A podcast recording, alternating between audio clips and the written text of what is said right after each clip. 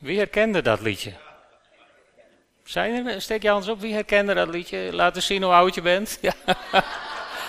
Ja, ja. ja.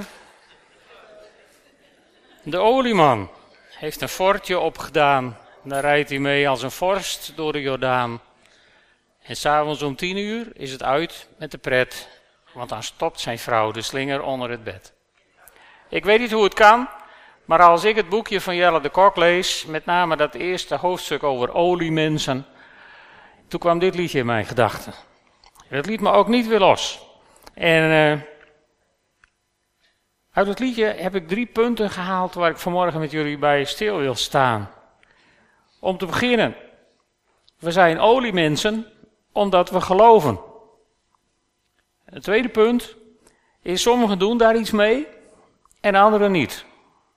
En het derde punt is, iemand is uit op de slinger om die weg te nemen. Maar ik wil eerst een stukje met jullie lezen uit de Bijbel, want we zijn hier per slotverrekening in een kerkdienst. Efeze 3, vanaf vers 14. Daar schrijft Paulus aan de gemeente in Efeze het volgende. Daarom buig ik mijn knieën voor de Vader, die de Vader is van elke gemeenschap in de hemelsferen en op aarde. Mogen Hij vanuit zijn rijke luister uw innerlijke wezen kracht en sterkte schenken door zijn geest, zodat door uw geloof Christus kan gaan wonen in uw hart en u geworteld en gegrondvest blijft in de liefde. Dan zult u met alle heiligen de lengte en de breedte, de hoogte en de diepte kunnen begrijpen, ja de liefde van Christus kennen die alle kennis te boven gaat opdat u zult volstromen met Gods volkomenheid. Aan Hem, die door de kracht die in ons werkt bij machten is oneindig veel meer te doen dan wij vragen of denken, aan Hem komt de eer toe, in de kerk en in Christus Jezus, tot in alle generaties en tot in alle eeuwigheid. Amen. Heel mooi stukje van Paulus.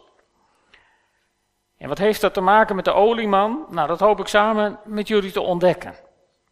Jelle de Kok, die haalt in zijn boekje, haalt hij dat begrip olie naar voren. Hij heeft het over oliemensen. En hij begint daarbij met Zacharia 4 vers 6, de tekst die Maria las aan het begin van de dienst. Niet door kracht of door geweld, maar door mijn geest, zegt de Heer. Dus dat wordt duidelijk gemaakt hoe belangrijk de geest van God is. En verderop in Zacharia in vers 14, uh, eh, rondom vers 14, daar wordt het plaatje geschetst van twee, twee mensen die als het ware zijn aangesloten via een of ander leidingje op een olijfboom waar de olie uitvloeit naar de lampen die branden voor God. En Jelle de Kok zegt dat zijn de oliemensen, de mensen die de olie van de Heilige Geest laten stromen en daardoor het vuur in de gemeente laten branden. En uh, dan staat er in vers 14, dat zijn de twee gezalfden die naast de Heer van de hele aarde staan. En ik vind het zo mooi dat Jelle de Kok dan in zijn boek de sprong maakt naar Joel 2, vers 28, waar wordt gezegd dat er een tijd zal komen dat God zijn geest zal uitgieten over al wat leeft. Dus niet twee oliemensen, niet een paar geselecteerde lievelingetjes van God, die de olie van de geest kunnen laten stromen op deze wereld, maar alle vlees. En in Handelingen 2 zien we dat dat gebeurt, dat de Heilige Geest wordt uitgestort en dat Peter zegt, en lieve mensen, dit is het, wat Joël heeft geprofeteerd. Aan het eind van de tijden zal ik over alle mensen mijn geest uitgieten. Dus eerst waren er twee, wat Gerrit de Kok dan zonen van de olie noemt, en daarna alle vlees. Voorzegd door Joël, gerealiseerd in Handelingen 2. En, en, en wat je voor ogen moet houden, is dat God zijn geest uitgiet op alle vlees. Niet op elke kerk of op elke denominatie, maar op alle vlees. En daarmee is, is de, is de uitstorting van de Heilige Geest een hele individuele zaak geworden. Heel persoonlijk. Het is geen eigendom van een of andere geestelijke stroming. Het is het eigendom van God wat Hij geeft aan de mensen die in Hem geloven. En dan schrijft Paulus dat, dat heel mooi in vers 17 van Efeze 3. Dat Christus door geloof in ons hart komt wonen. Dat leren we kinderen op de zondagschool al, tenminste vroeger toen ik nog klein was. Als je je hartje aan Jezus geeft, komt Hij in je hartje wonen. Later leren we dat Jezus aan de rechterhand van de Vader zit en dat eigenlijk de Heilige Geest is die in je woont. Maar waar wij in de tijd van de zogenaamde drie-eenheid moeilijk doen over het onderscheid tussen Vader, Zoon en Geest, had Paulus daar kennelijk niet zoveel moeite mee. En haalt hij ze heel simpel gewoon ook wel door elkaar. De Heilige Geest komt wonen in ons hart omdat we geloven. Dus als je gelooft dat Jezus Christus Heer is en voor jouw zonden is gestorven, dan ben je een oliemens. Want dan woont de geest van God in jou. Nou, gefeliciteerd. Dan hoeven we daar niet lang moeilijk over te doen. Dus de geest is wel aanwezig. En dan, dan verbindt Paulus daar zo mooi aan dat je geworteld en gegrondvest blijft in de liefde. De geest komt dus niet wonen in de consistorie, of in de kerkenraadskamer, of in de synode, maar in jou. In elk hart, op zijn eigen manier. En, en, en Paulus die schrijft over die liefde in 1 Korinthe 13. De liefde is geduldig en vol goedheid. De liefde kent geen afgunst, geen ijdel vertoon, geen zelfgenoegzaamheid. Ze is niet grof, niet zelfzuchtig. Ze laat zich niet boos maken. Ze rekent het kwaad niet aan. Ze verheugt zich niet over onrecht, maar vindt vreugde in de waarheid. Alles verdraagt ze, alles gelooft ze, alles hoopt ze, alles volhardt ze. En als je dan de onverdraagzaamheid in sommige kerken ziet, dan denk ik, dan woont de liefde daar dus duidelijk niet. Want dit is wat de liefde doet als hij door de Heilige Geest in jouw hart woont.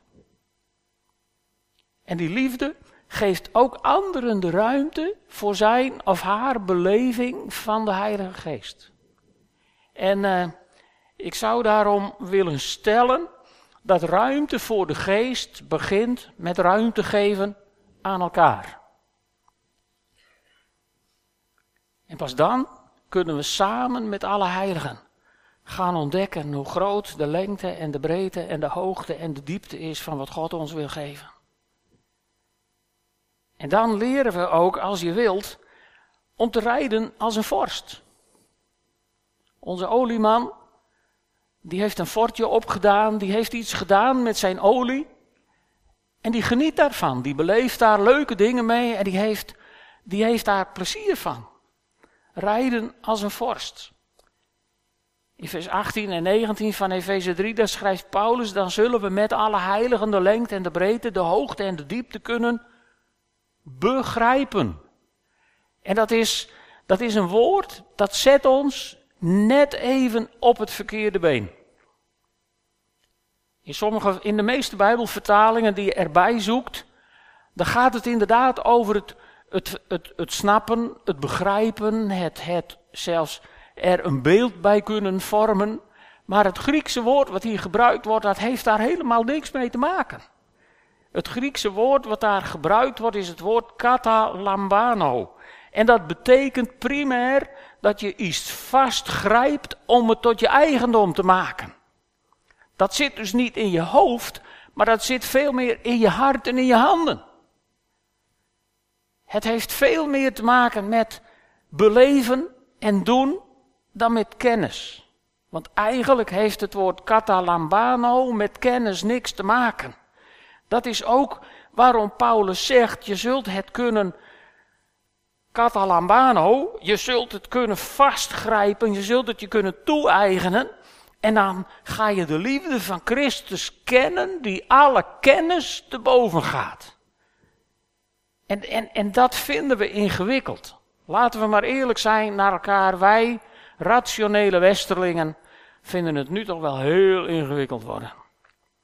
Want uh, we hebben universiteiten opgericht waar we theologen, of waar we theologie als wetenschap zijn gaan bedrijven.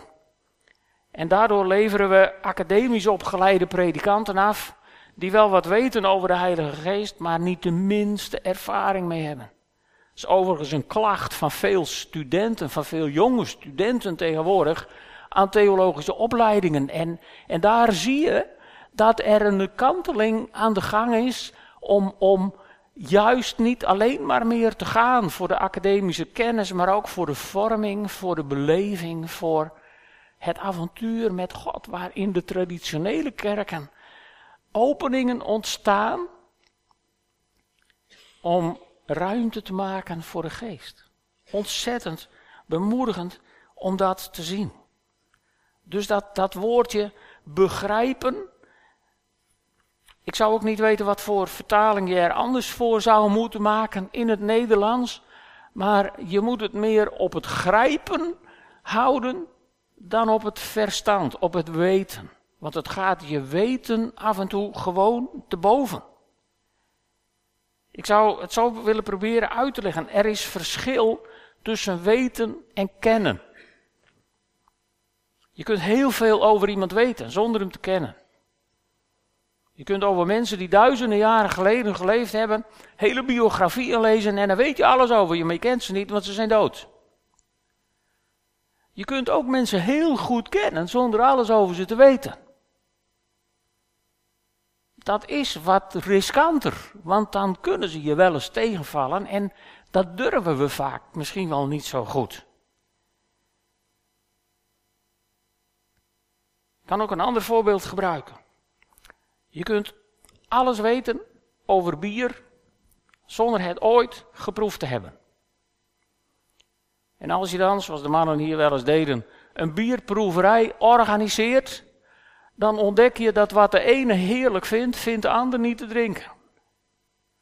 En op een bierproeverij is dat geen probleem. En in de kerk is het ineens ingewikkeld. Vind je dat nou niet vreemd? Daar zouden we zo over na moeten denken. Met elkaar ruimte voor de geest begint met ruimte geven aan elkaar.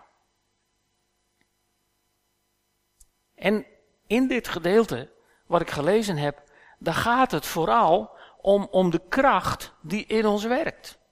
In vers 20 zegt Paulus dat het gaat over de dynamis, de kracht van de Heilige Geest die in ons werkt en die bij machten is oneindig veel meer te doen dan wij vragen of kunnen bedenken. Dus het gaat, nog een keer, af en toe ons verstand te boven. Wat God wil doen. Ik kreeg van de week de nieuwe editie van Christianity Today. En er stond een heel boeiend artikel in over doden die opstaan uit de dood omdat er voor ze gebeden wordt.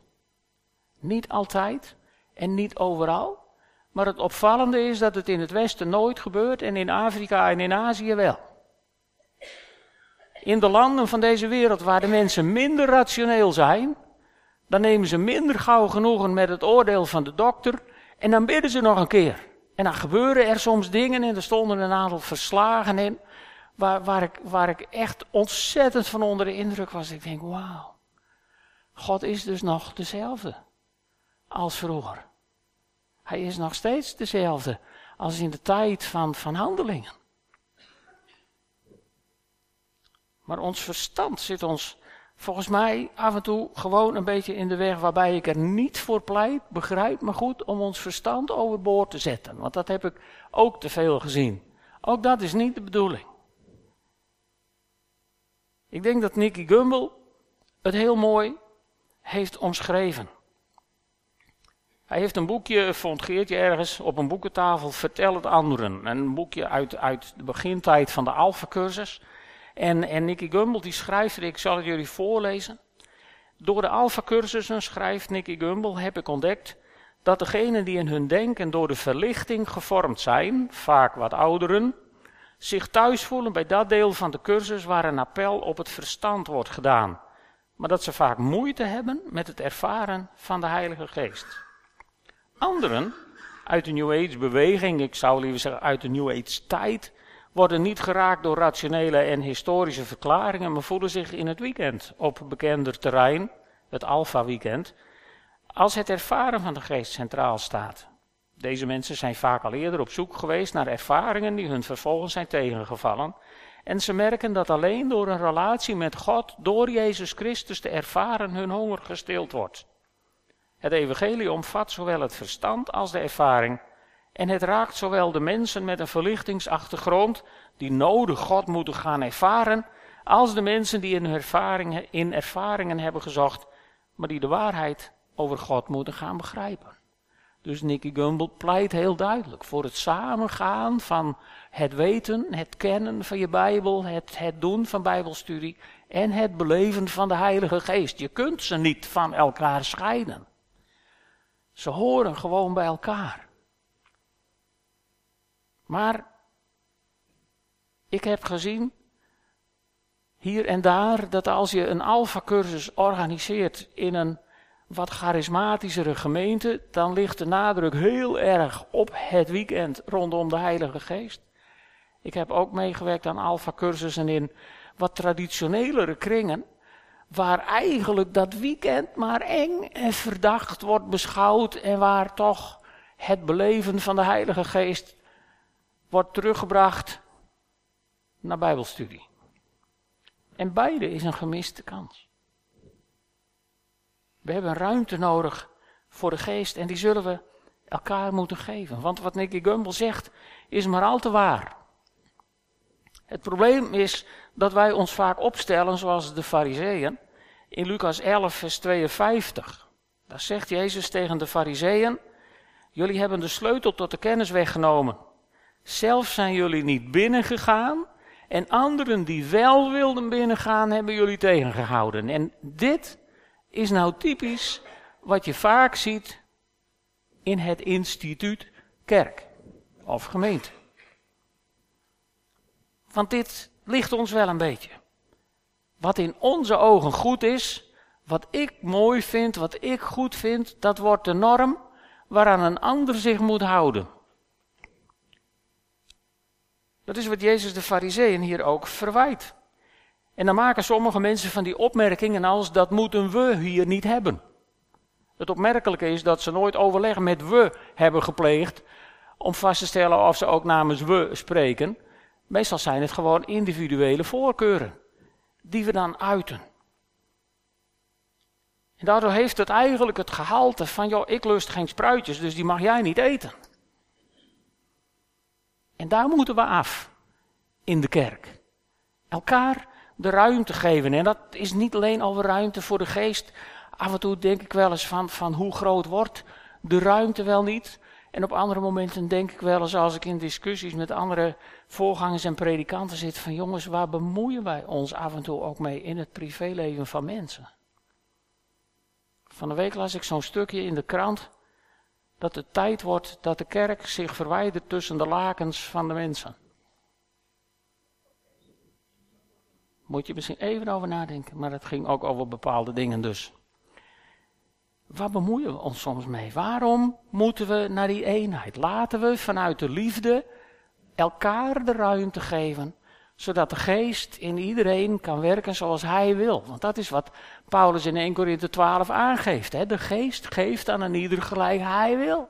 Daar is geen eenheidsworst. Daar is geen algemeen aanvaard gemiddelde daar is de geest die in ieder werkt gelijk hij wil. Maar ja, dat wordt dan natuurlijk wat lastig. Maar ja, weet je, je hoeft niet te beleven wat de ander beleeft, maar ontneem het die ander daarom ook niet. Word geen slingerrover. Want dat is maar al te veel gebeurd. En op heel veel plekken zijn slingers geroofd uit de kerk. Als je kerkgeschiedenis leest, dan lees je in de tijd dat de gereformeerde kerken ontstonden, dat overal in Nederland in boerenschuren werd gepreekt. Meestal door de boer zelf, of door een schoolmeester, of door iemand anders, vol van de geest, helemaal in vuur en vlam. Kerken vol, mensenlevens veranderd. Tot de academici zeiden, ja maar dit kan niet. Niet gestudeerd, ook niet preken. En nu moet je in de meeste kerken een preekvergunning hebben om aan het woord te mogen. En dan worden er soms dingen verkondigd waar je kromme tenen van krijgt. De slinger is weg. En die is vervangen door surrogaat. Er staat een verhaaltje over in het Oude Testament. En dat heeft me altijd geraakt vanaf het begin dat ik dat tegenkwam in 1 Koningen 14. Een van de koningen van Israël, die heeft ruzie met, uh, met de koning van Egypte. En koning Salomo, die heeft voor als hij van zijn huis naar de tempel ging, hele mooie gouden schilden gemaakt. Je moet je voorstellen, in de blinkende zon, strak blauwe hemel, de koning in zijn mooiste gewaad, die schrijdt van het paleis naar de tempel. En er staat een erehaag van wachten en die hebben allemaal een gouden schild op de arm. Wat denk je hoe dat er heeft uitgezien in de zon? Dat heeft geblonken, geschitterd, dat was, dat was fenomenaal. En toen kwam de koning van Egypte en die stal de gouden schilden. En wat deed de koning? Die liet schilden maken van brons, van koper. Nou, ik beloof je, als koper moet poetsen in de zon, dan of moet schitteren in de zon, dan poets je een slag in de ronde. En surrogaat, dat blinkt niet van zichzelf. Daar moet je je helemaal op de pletter werken om er nog wat zichtbaars, wat leuks van te maken. En, en weet je, wat zie je? Wat zie je in de kerk? Ja, de kok neemt twee, twee dingen als voorbeeld. En het eerste is dat we het, de, het priesterschap van alle gelovigen hebben teruggebracht naar de domineescultuur. De dominee domineert in de kerk en die werkt zich helemaal overspannen, omdat je dat alleen niet kunt. In Efeze 4, daar zegt Paulus het zo duidelijk. Hij is het die apostelen heeft aangesteld en profeten, evangelieverkondigers, herders en leraren. Dus niet één persoon, maar een hele kudde. En waarvoor zijn die aangesteld? Om de heiligen toe te rusten voor het werk in zijn dienst. Zo wordt het lichaam van Christus opgebouwd. En, en, wat hebben we gedaan? We hebben de heiligen dom gehouden in plaats van toegerust. En daardoor moet die geestelijke alles in zijn eentje doen. Het is een surrogaat. Het is niet wat God heeft bedoeld. Hij heeft zijn geest uitgestort op alle vlees. En de geest woont in jou en in jou en in jou en in jou en in jou. Allemaal, als jullie kunnen beamen dat Jezus Christus Heer is, woont de geest van God in jou. En je wordt geacht om daar wat mee te doen. Om daarnaar te leven. Om ervan te genieten. En geniet je van Bijbelstudie en vind je het fijn om gewoon je diep in te graven en andere mensen daarover vertellen. Prima, niks mis mee. Maar sommige mensen vinden het leuker om, om, om, om gewoon dingen met God te beleven. Op ziekende handen te leggen. En soms te zien dat ze genezen. En soms te zien dat ze gewoon getroost worden door een aanraking van de Heer. De een, de een zit, zit meer in de beleving. De andere zit meer in het weten. En het mag er zijn. Allebei. Het hoort gewoon naast elkaar. Maar de geest kan alleen de ruimte krijgen als we elkaar als tempels van de Heilige Geest de ruimte geven om op onze eigen manier te reageren. We zijn begonnen met een lied te zingen in nieuwe aanwezigheid. En daar zat zo mooi in. Ik kom tot u zoals ik ben. En weet je, God heeft niet de intentie om ons vervolgens als wij komen zoals we zijn, om te vormen tot een kleurloze eenheidsworst. God heeft juist de intentie om zoals we zijn, door Hem gewild en door Hem geschapen, om zoals we zijn te mogen groeien tot een stukje van de lengte en de breedte en de hoogte en de diepte van de heerlijkheid van God. Die kun je nooit in één mens vinden. Maar als iedereen zichzelf kan ontwikkelen en zich wil laten leiden door de geest van God, dan zijn we door al die stukjes van die individuele christenen bij elkaar te leggen, dan gaan we iets begrijpen van hoe groot God is. En dan nog raak ik er steeds meer van overtuigd dat als mijn tijd gekomen is en dat ik naar de overkant vaar en mijn Heer ga ontmoeten, dat ik gezegd, nou de helft was mij niet aangezegd. Wat je ook ontdekt. God is nooit uitbegrepen. Zover ga je niet komen, pas als je oog in oog met hem staat. Goed, dus dat is belangrijk. En Paulus die schrijft dan in Efeze, dan zijn we geen onmondige kinderen meer.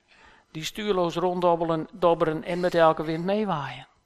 Nee, want dan, kunnen we niet meer wijzen naar die ander. Dan kunnen we ons niet meer verstoppen achter de voorganger of de dominee of de priester of whoever. Daarnaast, zegt Jarre de Kok, hebben we een theologische knip gemaakt. Want omdat de geest niet werkte in de kerk, hebben we een excuus gezocht. En het liefste leg je dat excuus bij iemand anders neer, want dan ben jij niet verantwoordelijk. Dat doen mensen nog steeds, hè? over het algemeen. Dat is begonnen toen, toen Adam Eva de schuld gaf en Eva de slang. En dat is nooit weer opgehouden. Maar uiteindelijk hebben wij gezegd, ja, wonderen en tekenen en de werken van de geest zijn niet meer van deze tijd. Die zijn voor de tijd van de apostelen. Nou, dat was mooi, want dan ben je eraf, hè? Denk je. Maar bij God ben je niet af. Want weet je, God is bij de tijd. En God gaat aanzienlijk meer met zijn tijd mee dan zijn kerk. Ik denk dat God veel meer van deze tijd is dan heel veel kerkelijke dingen. En ik vind dat af en toe wel een beetje griezelig. Een ander punt is dat tijd kennelijk wel een rol speelt. Want s'avonds om tien uur was het uit met de pret, dan stopt zijn vrouw de slinger onder het bed. In die jaren dat we in Duitsland op conferenties werkten met Piet Verzutphen, waren er veel Duitsers die maakten dan het grapje, in het Nederlands vertaald, dominee mag overal over preken, maar niet over de twintig minuten. Met andere woorden, doet er niet toe waar het over gaat. Dat maakt allemaal niet uit, als het maar kort is. Want dan kunnen we aan de koffie. Tijd speelt wel een rol. Als het te lang wordt, dan vergeten we wat er is gezegd en zijn we boos omdat het te lang duurde. Misschien moeten we daar ook nog wat mee. Maar goed, ik zal het niet te lang maken. Dan hebben we dat probleem opgelost. Waar ik dus voor pleit, is geef de geest de ruimte. Het boekje van Jarre de Kok is mij uit het hart gegrepen. En, en, en als hij de vinger legt op de plekken waar de gereformeerden, zeg maar de PKN-kerken, het werk van de geest is kwijtgeraakt, dan slaat de angst mij om het hart, want dan denk ik, op sommige vlakken zijn wij bezig in diezelfde valkuil te trappen. En we zouden onszelf 200 jaar droogte kunnen besparen als we in de beweging meegaan. Ruimte voor de geest. En ik geloof dat God ons uitnodigt. Maar is, is, dat, is dat eng? Ja, voor sommige mensen misschien wel. En uh, gaan er aan dingen mis? Ja, absoluut. Dat garandeer ik je. Maar niet meer dan nu. Alleen anders. En weet je, je hoeft niet bang te zijn. Ik vond het zo mooi dat Raymond vorige week aankwam met de tekst uit, uit de openbaring in 1 vers 7. Toen ik hem zag, viel ik als dood voor zijn voeten neer. Wonderlijk, toevallig zat ik deze week bij een groep predikanten. En toen begon er een gereformeerde dominee over hoe zit dat eigenlijk met dat vallen in de geest. En toen dacht ik, oh nee hè. En we hebben er een hele leuke ochtend over gehad, geweldig over kunnen praten. En, en toen kwam dit stukje weer naar voren. Ik viel als dood aan zijn voeten. Johannes die, die, die houdt het even niet meer voor elkaar als hij de almacht van Jezus ontmoet. Want weet je, het is eigenlijk een kerstpreek, maar Jezus is niet meer dat kleine poezelige babytje in dat kribbetje. Jezus is volwassen geworden met ogen van vuur, met voeten van brons, met een stem als een waterval. En ik garandeer je, als je die Jezus ontmoet, dan sla je door je knieën, want dan word je wat zwak. Maar dan legt Jezus zijn handen op je en hij zegt, wees niet bang. Wees niet bang. Ruimte voor de geest. En Jezus zegt, wees niet bang. Ik ben de eerste en de laatste. Met andere woorden, ik ben ervoor en ik ben erna, dus ik heb het helemaal in controle. En dat zei hij ook in Matthäus 28 tegen zijn discipelen. Ik ben met jullie. Alle dagen, tot aan de volleinding van de wereld. Dus Wat kan je helemaal overkomen? En daarom wil ik afronden met een paar woorden. Het werk van de geest is het meest christocentrische wat je kunt bedenken. Want door de geest gaan we doen wat Jezus deed. En volgens Jezus zelfs meer dan dat, zei hij in Johannes 14, vers 12. En door die werken wordt onze Vader in de hemel verheerlijkt, zei Jezus in Matthäus 5, vers 16. Zullen we gaan staan en bidden? Heere God, u kent ons allemaal persoonlijk. En u weet dat de ene van ons meer heeft met kennis en de andere van ons meer met ervaring. En Heer, ik bid of u ons, zoals we zijn, wilt leiden, ook op dat andere terrein waar we misschien niet zoveel mee hebben. Ik bid, heren, nu we hebben vastgesteld dat u door het geloof woning hebt in onze harten. Daarom durf ik u te bidden, werk in onze harten. Zodat die liefde waar we in gegrondvest zijn, ons de moed zal geven om anderen ook de ruimte te geven. Voor de manier waarop u wordt beleefd, de manier waarop u wordt bestudeerd. Heer, bevrijd ons ervan dat wij elkaar willen houden in het spoor of onder het juk waar we zelf onder lopen. Schenk ons uw vrijheid.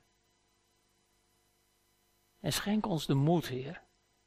De moed om te geloven dat u met ons bent, alle dagen, tot het einde van deze wereld.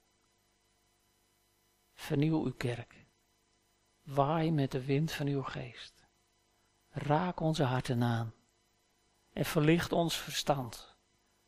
Zodat we ons niet alleen maar dingen zullen toe-eigenen. Maar toch ondertussen ook een beetje zullen begrijpen wat u aan het doen bent.